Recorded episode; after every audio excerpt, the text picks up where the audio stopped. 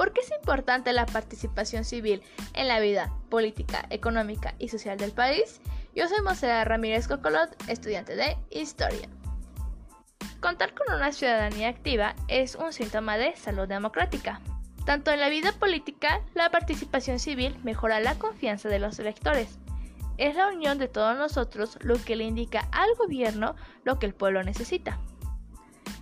El abrirse a la participación social es enviarle un mensaje a los postulados, ya sean presidentes, presidentas, gobernadores o gobernadoras, de que pueden contar con nosotros, lo que brinda un mayor enfoque y panorama a lo que vendrá en la vida política.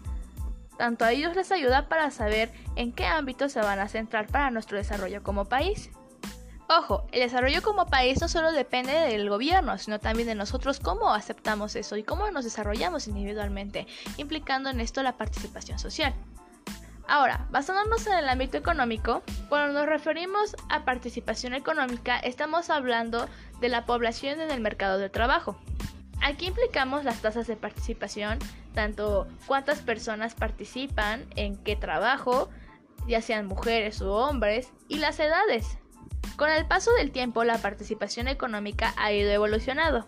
En otros tiempos era más notable ver a hombres trabajar, pero hoy en día tanto hombres como mujeres podemos trabajar y desarrollarnos para que la economía del país crezca, tanto por el estudio como por nuestro ámbito laboral de trabajo o preparación para un mejor empleo. La participación económica no solo se basa a las personas a las que trabajan, sino también hacia dónde se están preparando para poder tener trabajo. Es aquí cuando hablamos sobre el grado de escolaridad, los recursos que se utilizan para llegar a la universidad y si se desempeñará en el ámbito laboral o especializado. La participación social no solamente se basa a lo que nosotros expresamos hacia nuestro entorno, hacia nuestros vecinos, sino más bien a lo que nosotros hacemos internamente. De adentro hacia afuera es como se va viendo el desarrollo del país, el desarrollo de nuestras mentalidades y hasta dónde estamos dirigiendo el rumbo de nuestra vida.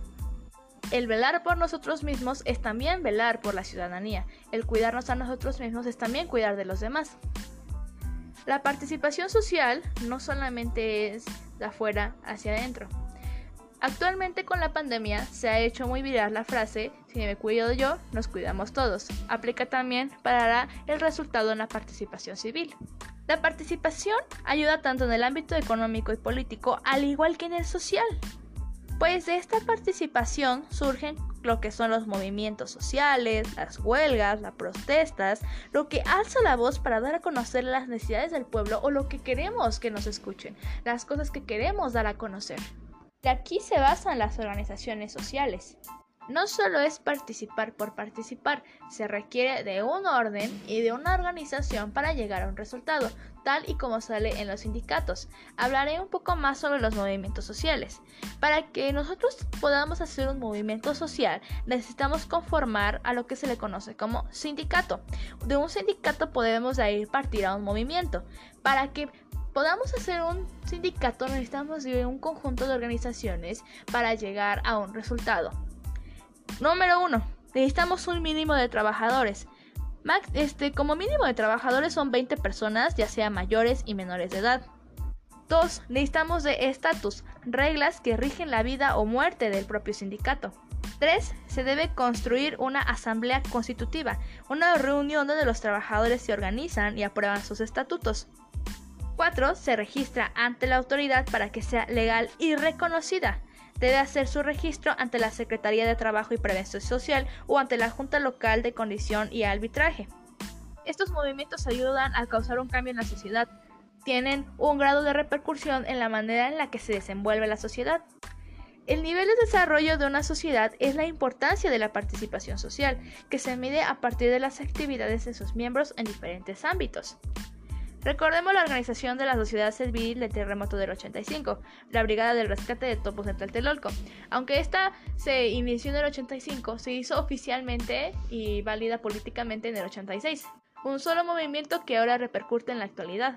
Se origina en el 85, pero se hace válido en el 86. Se forman grupos de apoyo, trabajan para rescatar víctimas, es voluntario, no se cobra ni un peso, es donde hay personas tanto de la nueva generación como los que sufrieron del sismo del 85. Esta asociación civil es sin fines de lucro. está formada por distintos tipos de profesiones. Se capacitan y ellos compran sus propios materiales para algún desastre, para estar prevenidos y saber cómo actuar ante ellos.